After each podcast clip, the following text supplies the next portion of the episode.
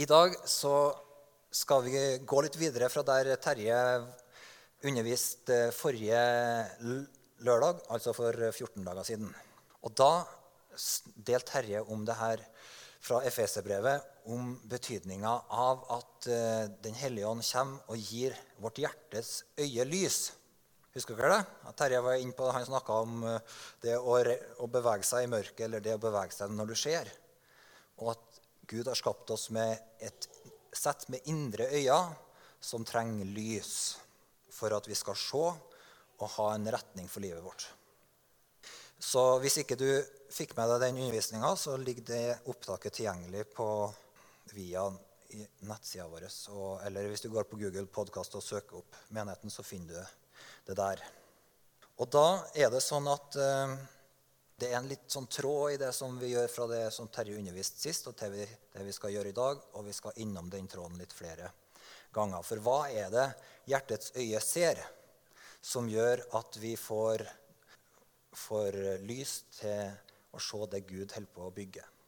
Så overskrifta i dag det er 'Jeg vil bygge min menighet'.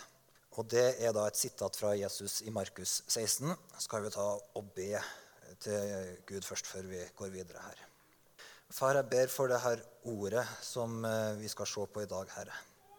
Far, jeg ber om at du, sånn som Terje delte sist, om, om Paulus sin bønn om åpenbaring, Herre, så vil jeg bare be for oss alle nå at du skal komme med lys til hjertene våre, Herre, så vi ser, Herre. Så vi kan få en, så åpenbaringa vår av Kristus som du gir, far, at den kan bli større for oss i dag òg, Herre. At den skal bli klarere, Herre. At vi skal få se mer av hvem din sønn er, og hva din plan er, far. Og Far, vi, vi ber om La det være, la ditt nærvær være her. La meg få være øh, våken i som, de tingene som ligger på ditt hjerte, Herre, og la oss sammen få høre fra deg i dag, Herre. Så i dag skal vi se på det faktum da at Jesus vil bygge sin menighet, og en side ved det som handler da om hva, hva, Det at Jesus har en kropp, hva betyr det for måten vi bygger menighet på? Ok? Så hvis du Jon Inge, kan ta oss til Matteus kapittel 16, så står det der da Her er, har det vært Kommer vi inn i en samtale der eh, Jesus og, som Jesus og disiplene eh, har. Det står da Jesus kom til distriktet rundt Cesarea Filippi, spurte han disiplene sine, 'Hvem sier folk at menneskesønnen er?'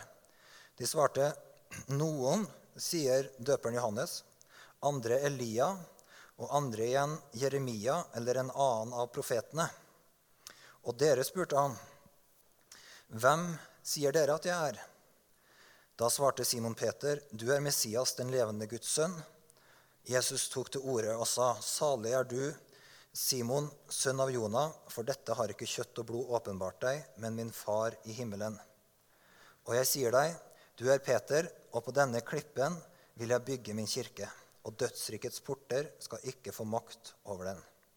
Jeg vil gi deg himmelrikets nøkler. Det du binder på jorden, skal være bundet i himmelen, og det du løser på jorden, skal være løst i himmelen. Så påla han disiplene å ikke si til noen at han var Messias. Så her er det tydelig at det foregår en slags eh, samtale i området der Jesus og disiplene befinner seg, som går på hvem sier folk at jeg er? er Jesus sitt spørsmål til disiplene. Hva er, liksom, hva er word on street når det kommer til Jesus? Og så sier disiplene ja, det er en del forskjellige meninger ute der i byen. Og en av de meningene det er at du er døperen Johannes.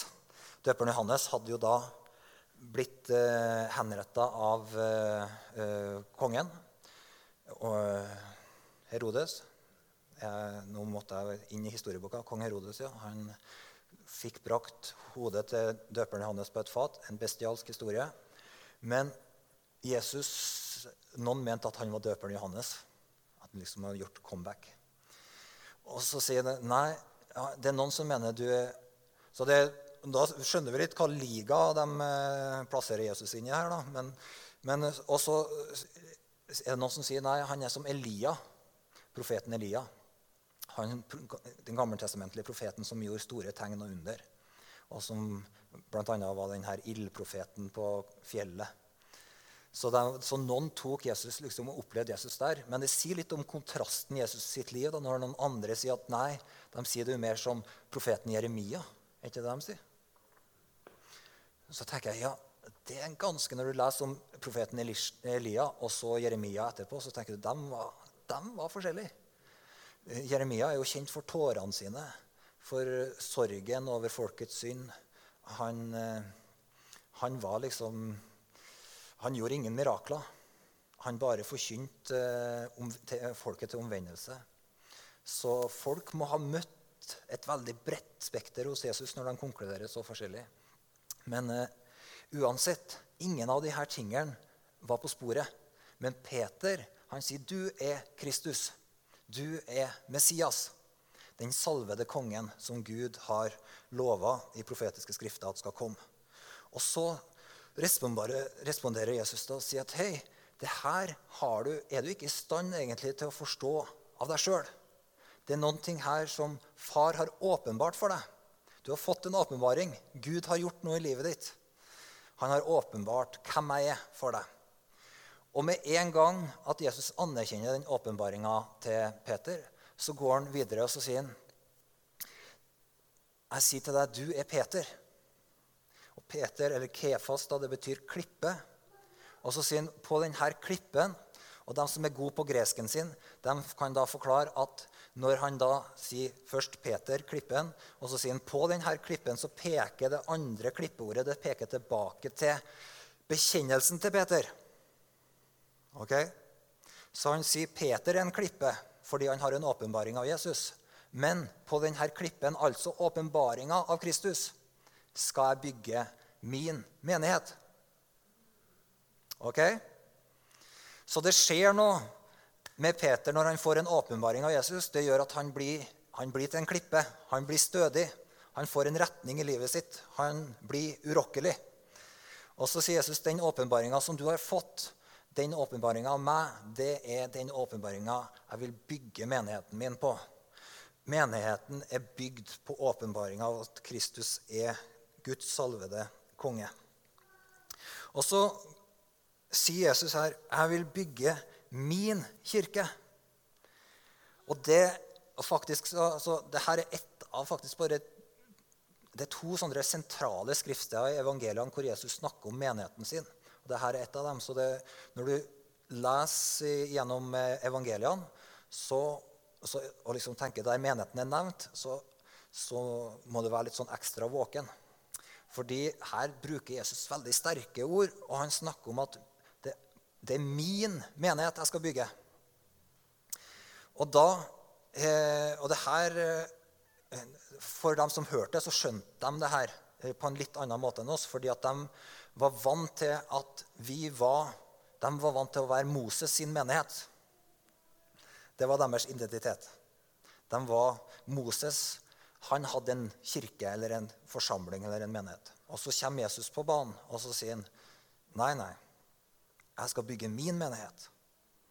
Så han brakte inn et brudd dem. Han brakte inn et skikkelig skift i deres identitet og selvforståelse. Fra at de var Vi er et sånt Moses-folk. Så kom Jesus inn, og så sier han, så akkurat som han tar tak, og så sier han nei. Kirka er min. Menigheten er min. Den tilhører meg. Det skal være et Jesus-folk. Det skal være et nytt folk Et folk som er bygd på åpenbaringa av Guds sønn, av Messias. Så Jesus han, han er veldig tydelig på eierskapet til menigheten. Som, eh, og der trenger vi å være litt sånn våken og hele tida hjelpe hverandre.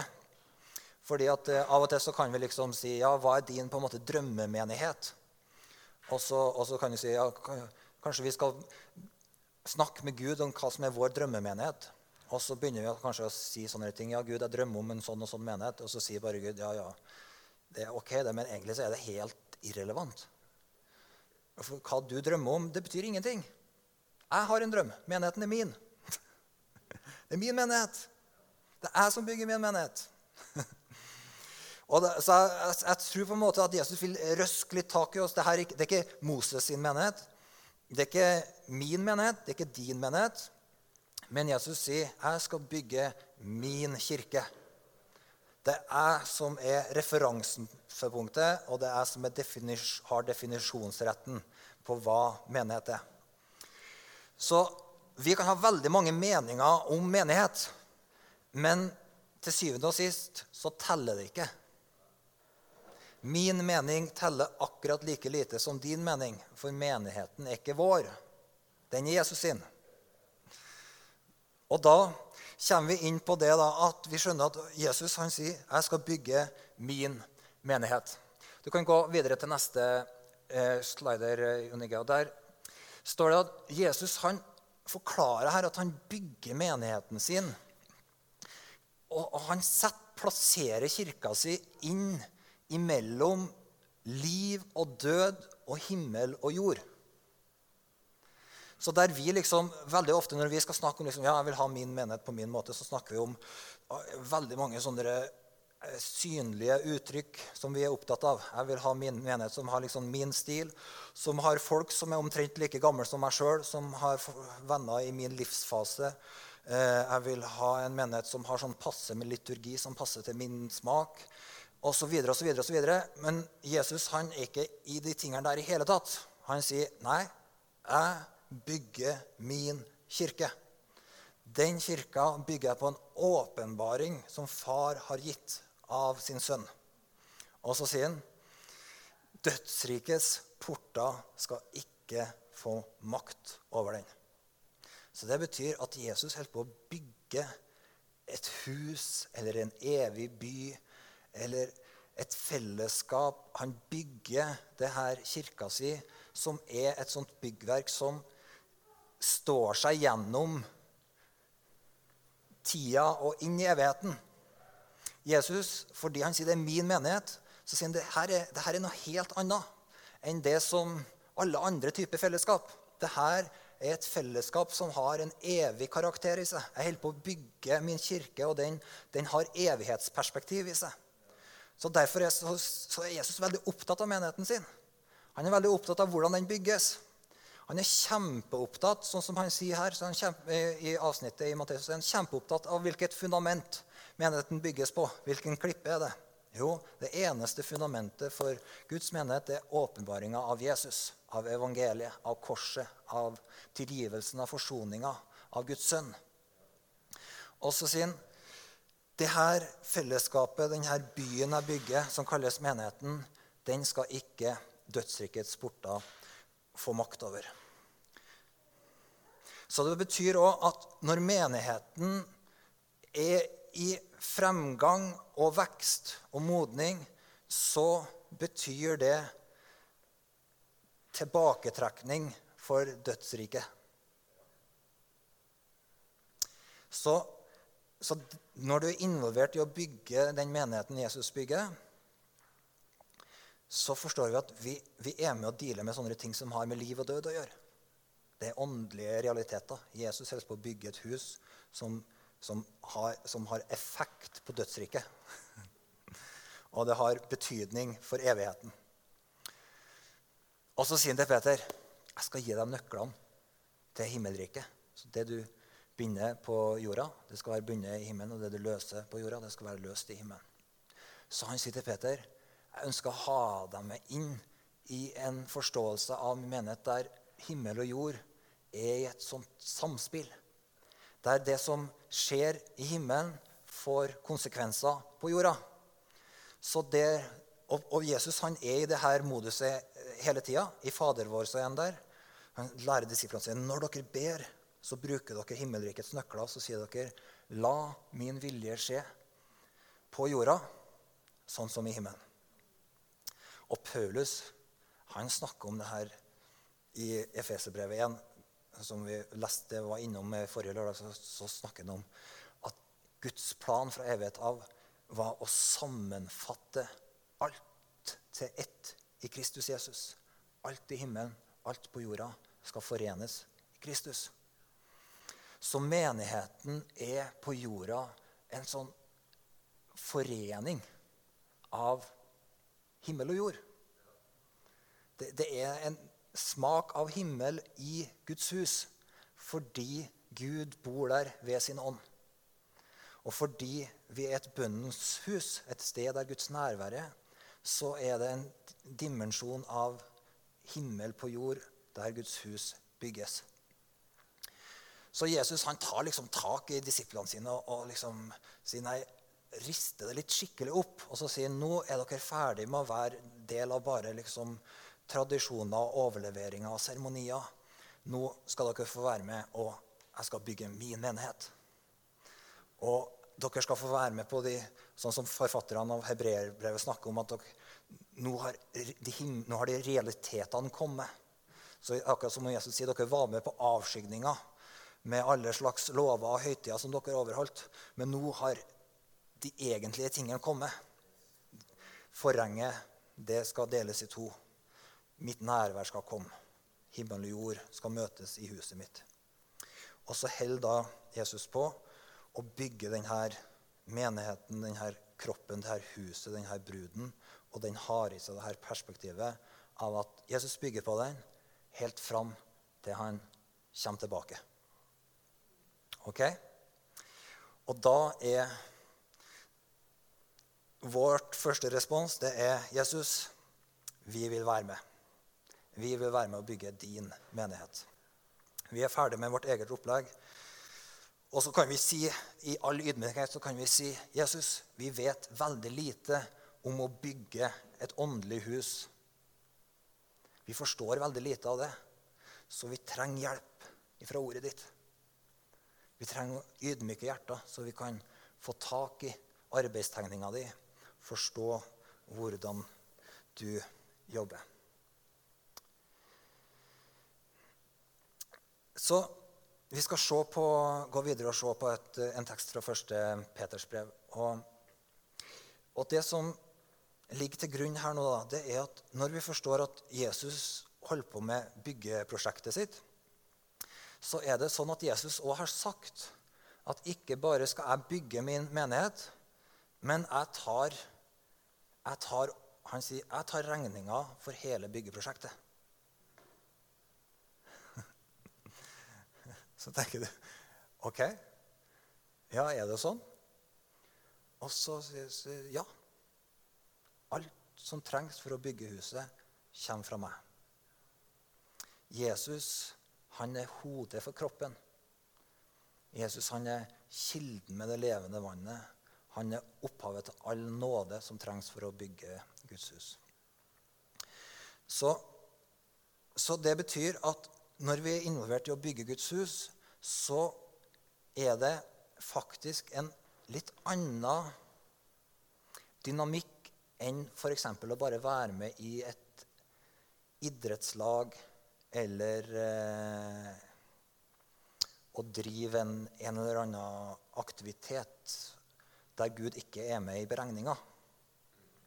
Fordi at det første spørsmålet som vi stiller oss når vi bygger Guds hus, det er hva er det Jesus gjør? Hva er det Jesus gir oss?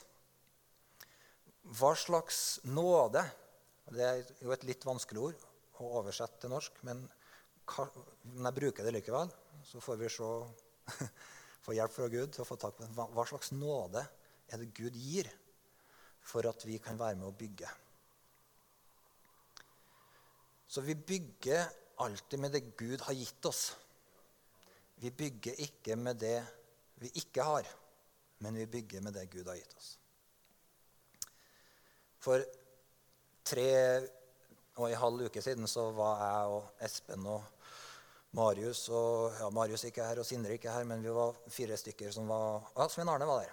Vi var sammen i forhold til altså Svein Arne og Espen og Marius de bærer et sånt administrativt ansvar imellom oss. Og vi var sammen og hadde ei en planleggingssamling, og så starta vi i bønn.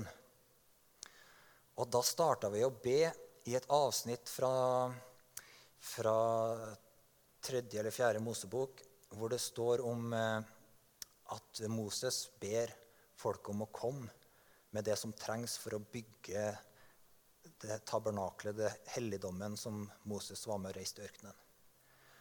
Og så sa de vi trenger litt av de her metallene, vi trenger litt av de stoffene her, og vi trenger litt av de krydderne her. Og så kom Guds ånd over eh, folket. da, En million mennesker på ørkenvandring. Guds ånd kom over dem, og de kjente hjertet sitt det her har vi lyst til å være med og gi inn. Så de begynner å komme da, med krydder og, og fine stoffer og, og gull. Og, og, folk kommer og gir. Og så skal Moses da på et tidspunkt bare inspisere hvordan denne eh, innsamlinga går. Og så sier si prestene til ham at eh, nå, nå, må du si stopp. Det kommer så mye. Eh, folket, folket, er villige. De kommer hver dag, og vi, det begynner å hope seg opp i hauger her. Så Moses må rett og slett gå ut og så avlyse innsamlinga. Si nå er det nok. Hold tilbake. Eh, og Det forteller oss at Gud ønsker å bygge ut av overflod. Altså, Gud ønsker ikke at huset hans skal være bygd liksom, av at folk liksom, litt sånn gdient og halvsurt vrir ut liksom, det siste safta de har. Og så ja, du kan få det her og da, Jesus. Liksom. Nei, det er, ikke, det er ikke sånn huset til, Jesus bygges. Det er, han er en stor konge. Han er rik på nåde. Han gir alt vi trenger. Og da Så, så vi ba inn i det her. Gud, gi oss et, å arbeide med et folk som har overflod og, og, og nåde. Og villige hjerter. Og så, om det var i forrige uke, eller sånt, så sendte Espen en mail. og så sier han, For Espen har ansvaret for å administrere økonomien. Og så sier han Hei, folkens, husker dere vi holdt på å ba sånn og sånn? Eh, jeg var akkurat inn i nettbanken, og vet dere eh, Det har kommet flere store beløp. Eh, vi har en likviditet på kontoen som vi aldri har vært i nærheten av før. Vi har så mye penger på konto som har kommet inn de siste to-tre ukene. Og alle bare sånn Det er ikke jeg som har sendt. Er ikke det fantastisk? da må du tenke sånn Å, det er gøy å være med i en menighet som Jesus bygger, som har mer enn nok penger. Hæ? Er ikke det fint? Jeg, jeg, tror det, jeg, tror det, er sånn. Det er en god ting. At det alltid er mer enn nok. At det alltid er overflod. Så, og jeg er veldig glad for at vi har holdt på her i, i, noen år nå, men vi har aldri hatt en sånn der Nei, nå går det at skogen kan dere være med og, og tømme de siste kronene fra kontoen. Liksom. Vi har aldri hatt en sånn eh, innsamling. Og det takker jeg Gud for. Fordi at det er et folk som har skjønt at det bygges av overflod. Og da er det ikke sånn at vi tenker at, eh, at eh, nå må vi bare slutte å gi. Men vi tenker nei, det må bety at Jesus ønsker å utvide oss, og at vi strekker oss ut, at vi når ut til flere, at vi kan få et større handlingsrom. så det er noe Gud gjør i det som skjer. Ok? Men Det var bare et vitnesbyrd, men eh, et godt et.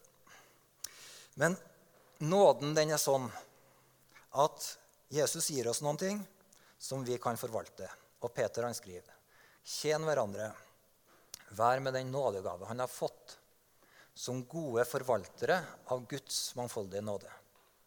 Den som taler, skal se til at han taler som Guds ord, og den som tjener, skal tjene med den styrke Gud gir. Slik skal Gud i ett og alt bli æret ved Jesus Kristus. Han tilhører herligheten og makten i all evighet. Amen. Så her snakker Peter om at når vi forvalter den nåden Gud gir oss, så har det en retning. Den peker på Kristus. Så når vi tjener med det som Gud har gitt oss av evner, talenter og, og ressurser, så er det ikke sånn at eh, det på en måte er, blir et slags sånn eh, talentshow av det. men fordi at vi tjener Vi er mennesker som har vært gjennom korset til Jesus. Ja, som Paulus sier, vi er korsfesta med Kristus. Vi er begravet med han, og vi er oppreist til et nytt liv med han.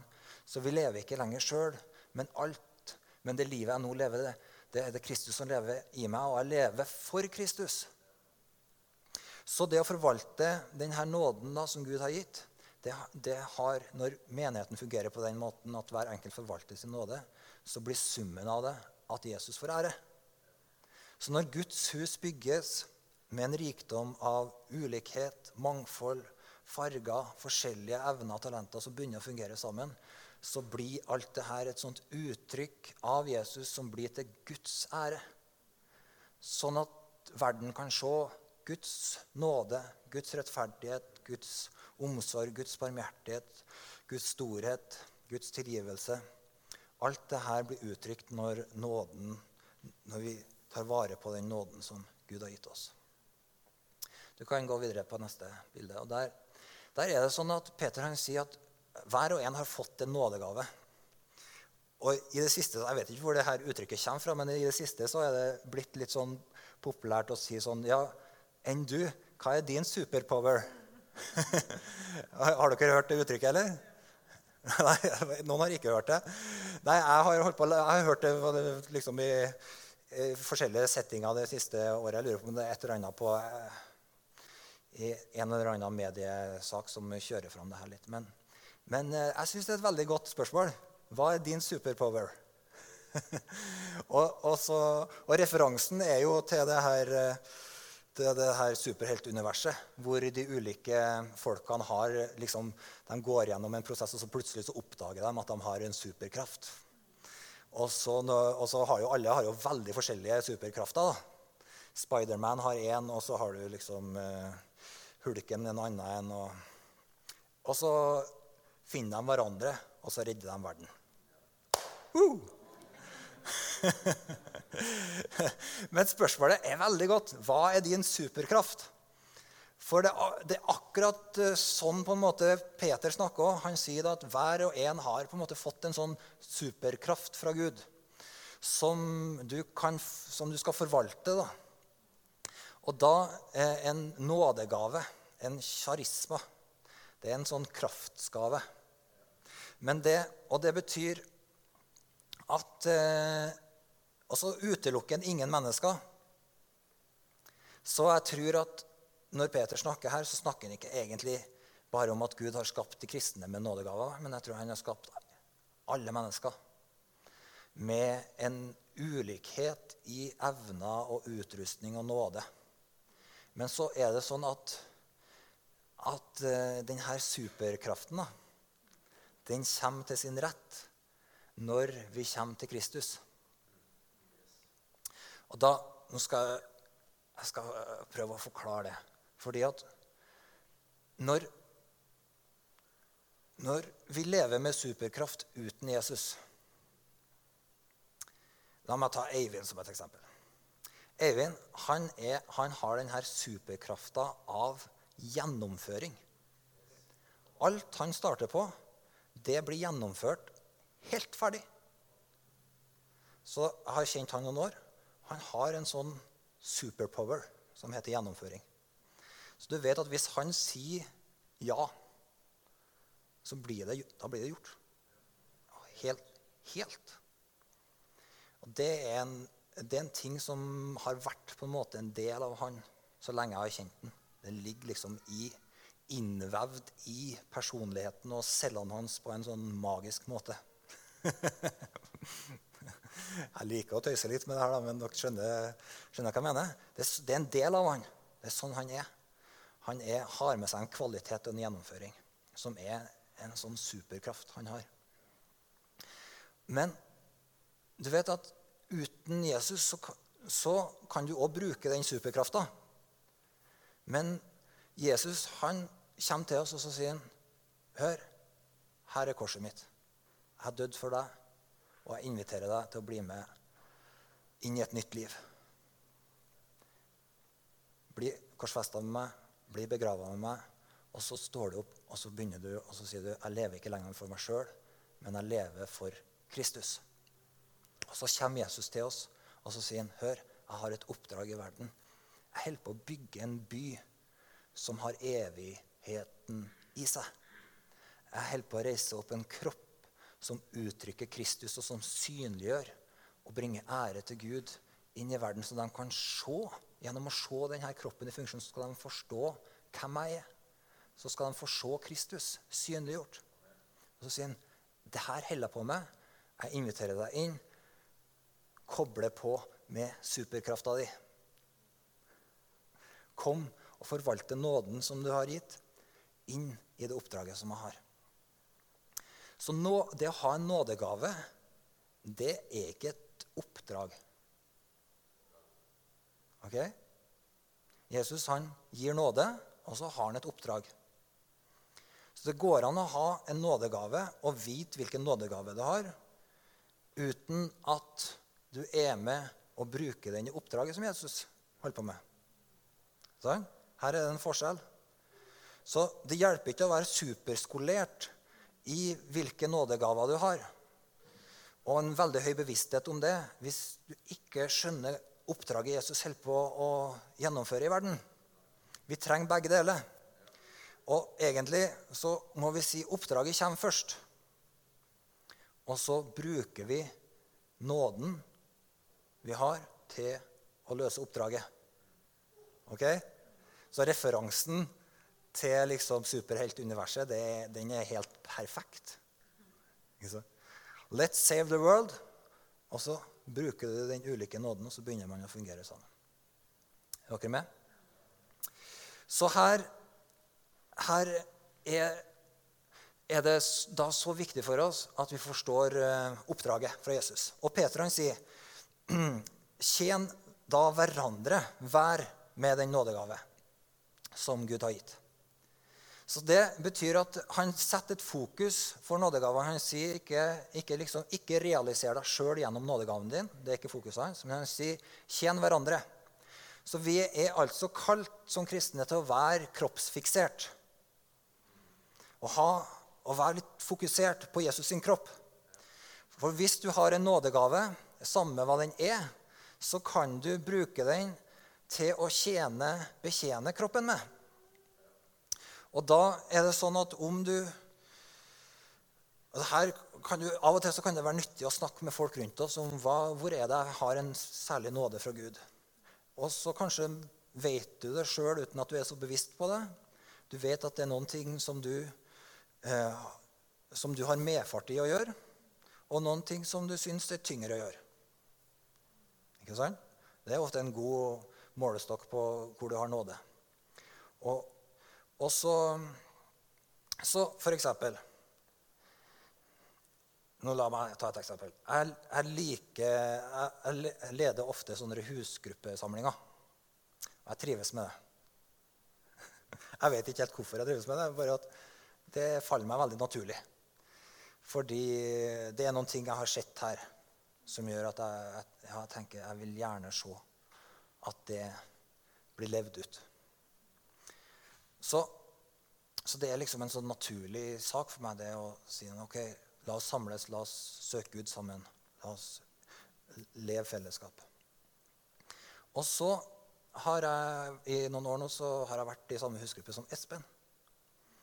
Og så eh, En stund så leda han husgruppa, og så sa han til meg at egentlig så liker ikke jeg å lede husgruppe. Så sa ja, det er jo veldig interessant. Men så sa jeg, du har egentlig så har du vært en eminent gruppeleder fordi at aldri har denne husgruppa vært så godt planlagt som når du har vært med.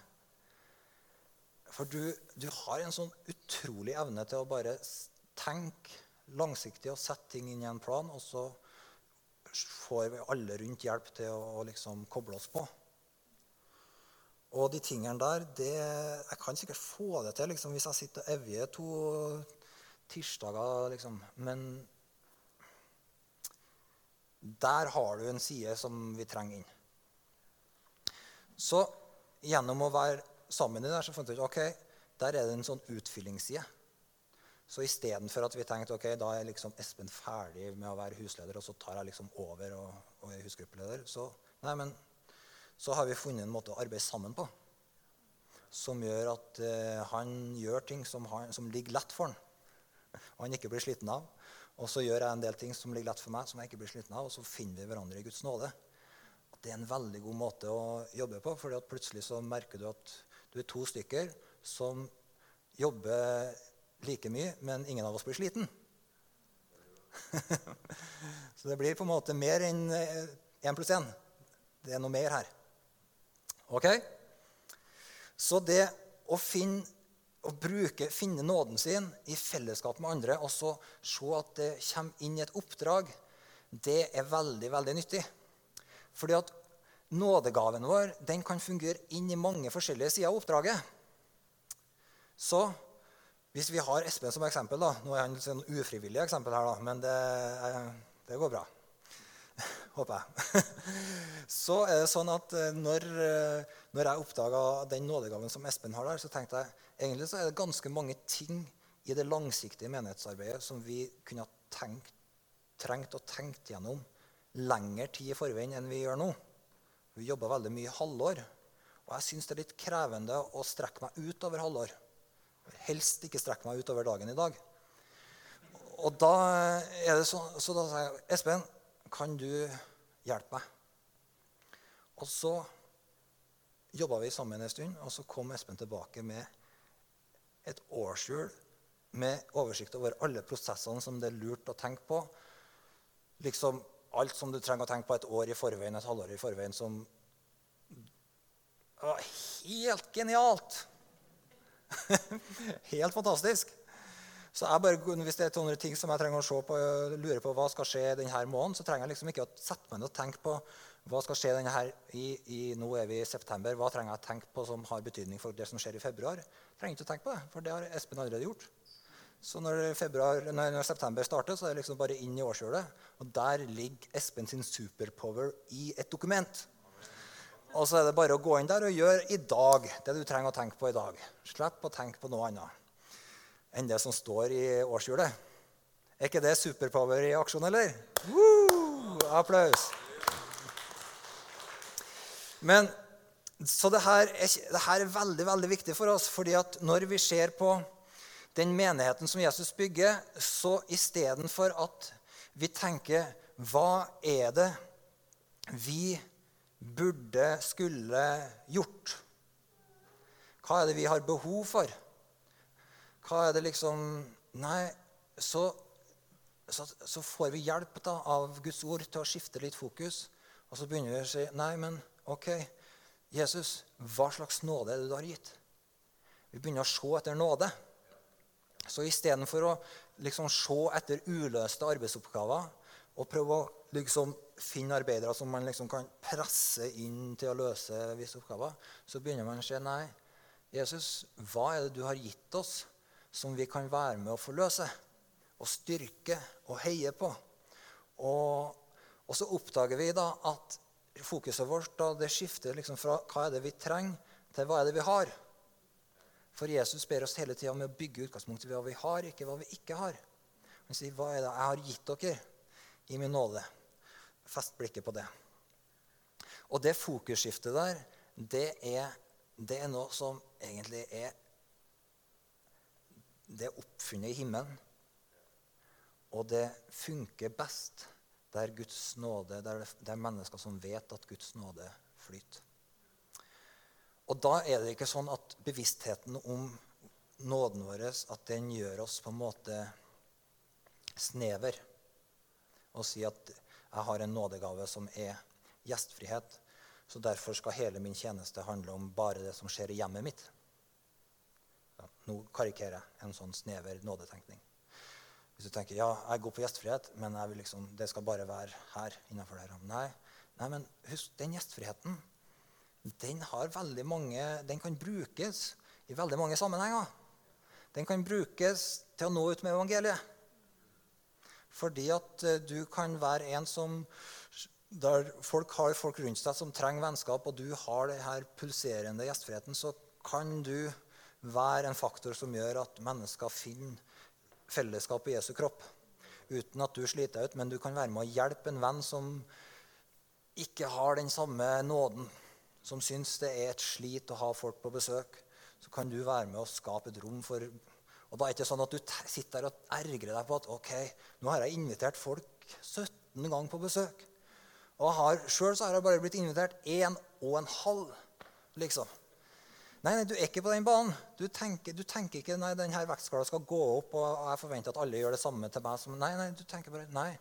nei hver og en er kalt til å tjene Gud med den nåden hver enkelt er gitt. Og så bruker man nåden inn på forskjellige måter. Og så merker du at OK, kan du ta neste bilde, Jon Inge? Det står her I Efeserbrevet så står det til hver enkelt av oss er nåden gitt, alt ettersom Kristi gave blir tilmålt. Så Kristi gave den blir gitt oss i et slags og det er akkurat sånn, Her holder jo Paulus på å forklare noen ting som er litt sånn uh, uforklarlig. Men så bruker han et, et, begrep som et mål, altså noe du måler opp. Så det betyr at Jesus gir oss en nåde, og han gir det til oss ettersom han sjøl velger å tilmåle det. Så det betyr at du har fått en nåde, og den bruker du til å tjene Jesus med. Og, den, og når du gjør det, så holder du ikke på å sammenligne deg med andre. altså tenker nå har, nå har jeg hatt så mye ansvar sånn og sånn, og nå forventer jeg at noen andre kommer på banen. Nei, du tjener med den nåden Gud har gitt, i det målet Gud har gitt deg. Med tro og god samvittighet. Og det hjelper oss ut av en sånn ut av, at, av slitasje og inn i kraft, nåde og velsignelse. For med en gang vi begynner å si at hvis det hadde stått til alle hadde nåden blitt gitt i samme mål, kunne ha stått det. Han, Jesus, ga nåden til alle i samme mål. Det er på en måte det er den der eh, norske sosialdemokratiske omskrivninga av det verset der. Til alle. Alle har fått den samme forutsetningene, utgangspunktet, evnene og talentene Kjør dem gjennom enhetsskolen og osv. Nei, Gud er ikke sånn. Gud sier til hver enkelt av oss er nåden gitt, alt etter som Kristi gave er blitt tilmålt. Så Kristus nå Kristi nåde i hver enkelt i oss i et eget mål. Så det betyr at når vi tjener Gud, så må vi tjene Gud i tro til Han, forvalte det Han har gitt oss, og uten tanke for folk rundt oss. Så du, det er ingen som skylder deg noen ting om du kjenner Gud. Og det er ingen som har et krav til deg om du velger å ikke kjenne Gud. Ingen som kommer til deg med en kravspekk her og sier hei, nå må du skjerpe deg. Fordi du, Men du er sjøl ansvarlig innenfor Kristus til å forvalte den nåden Gud gir deg. Så vi kjører ikke folk inn. Vi ønsker ikke å bygge en kultur der vi kjører folk inn i å si nå må pika du alle bidra litt her. Sånn tenker vi ikke. Men vi forkynner Kristus. Vi sier du lever for hans ansikt. Du har et kall. Du har en nåde. Og Jesus har reist deg opp, og han har gitt deg det her fordi han holder på å bygge sin menighet. Og han ønsker deg med inn til å investere din nåde inn i oppdraget. Og nåden gjør deg ikke snever, men den gjør deg veldig fleksibel. Så gjestfriheten din handler ikke bare om hva som skjer i hjemmet. Det handler om at folk som er ny, som dukker opp på ei samling, at de blir sett. Eller at eh, folk som er eh, ikke naturlig fikser det her med å finne relasjoner og vennskap, at de har en setting å komme inn i der det er plass til flere det, det, er en nådegave å håndtere det der. Å matche opp folk som ulike. Så du kan jo, bruke den nåden inn i, i, barnearbeid, eller du kan bruke den nåden inn i, i uh, flyktningarbeid, eller du kan bruke den nåden inn i you name it. Den bare funker, men nåden er måten du løser oppdraget på. Da. Så det gjør oss veldig fleksible, og det gjør oss til medarbeidere. Men vi blir opptatt av det her at vi det er ikke sånn at måten jeg leder gruppe på, er samme måten som Håkon, som også en gruppeleder, leder på. Men han må bruke den nåden han er gitt. Og Raymond, som også leder gruppe, han må bruke den nåden som han er gitt. Og det kan se veldig forskjellig ut. Fordi at vi har ikke den samme nåden, og vi har ikke det, det samme målet. Men vi er grunnleggende forskjellige. Og så har vi det samme oppdraget som vi er satt sammen i. Så her er det her er på en måte Guds måte å bygge kroppen sin på. Og skal vi ta landet bare med å, å lese oss gjennom dette avsnittet. Og Der står det at eh, derfor heter det han steg opp i det høye, bortført til fanger og til menneskene som ga han gaver. At han steg opp, må jo bety at han først var steget ned til det aller laveste til jorda. Og han som steg ned, er den samme som steg høyt oppover alle himler for å fylle alt. Og det var han som ga noen til å være apostler, noen til å være profeter, noen til evangelister, noen til hyrder og lærere, for å utruste de hellige til tjeneste, så Kristi kropp bygges opp, inntil vi alle når fram til enheten i troa på Guds sønn og i kjennskapet til Han, og blir det modne mennesket som er fullvoksent og har hele Kristi fylde. Så her ser vi at etter at Jesus var stått opp fra de døde, så begynte han å gi eh, tjenester, apostler, profeter, evangelister, hyrder og lærere for å utruste kroppen sin, for å trene kroppen sin, om du vil, så de skulle uttrykke Jesus inn i verden. For å utruste til hellige til tjeneste, så Kristi kropp bygges opp. Så hvis du tenker liksom på bare la meg nevne da, hvis du tenker på at nåden fra Gud til syvende og sist så er den nåden eller den gaven Jesus har tilmålt i livet ditt, den handler om at du skal reflektere eller uttrykke noe ved Jesus. Og så sier her Paulus at, at de her apostlene, profetene, evangelistene, hyrdene og lærerne de representerer på en måte den her utrustninga, treninga og opplæringa og utrustninga av Jesus sin kropp som gjør at kroppen kan vokse til modenhet. Så han bruker et sånt uttrykk som at det er akkurat som om Jesus' kropp har, en prosess der den vokser fra barnlighet til voksenhet. Fra at det er et lite frø til noe som er fullt uttrykt. Og den prosessen den gjør Jesus gjennom at han òg gir gaver til menigheten som utruster oss i de her ulike områdene der eh, apostlene går med oppdraget, og, og, og profetene hjelper folket til å ha en utrustning i, i retning av eh, i bunn og i et fokus på hva Gud vil ha, og Guds standard. Og der eh, evangelistene utruster menigheten og Jesus tjeneste ut til mennesker, ut til verden. Og der hyrdene eh, har den funksjonen av å samle flokkene og, holde, og forbinde de svake og styrke eh, sauene som er kommet utafor osv. Og, og, jobbe sammen med lærerne i denne, at det alltid er nok mat i huset. Så på den måten kan vi si at Jesu nåde er en sånn femfoldig nåde som vi alle i større eller i ulikt mål er tilmålt. Og når vi blir utrusta av de femfoldige tjenestene, så vokser det òg noe fram i livet vårt av denne nåden, som blir trent og styrka. Og så vokser Jesu kropp når vi gir rom for at Jesus utruster. Så vokser Jesu kropp til å bli det modne mennesket som er fullvoksent og har hele Kristi fylde.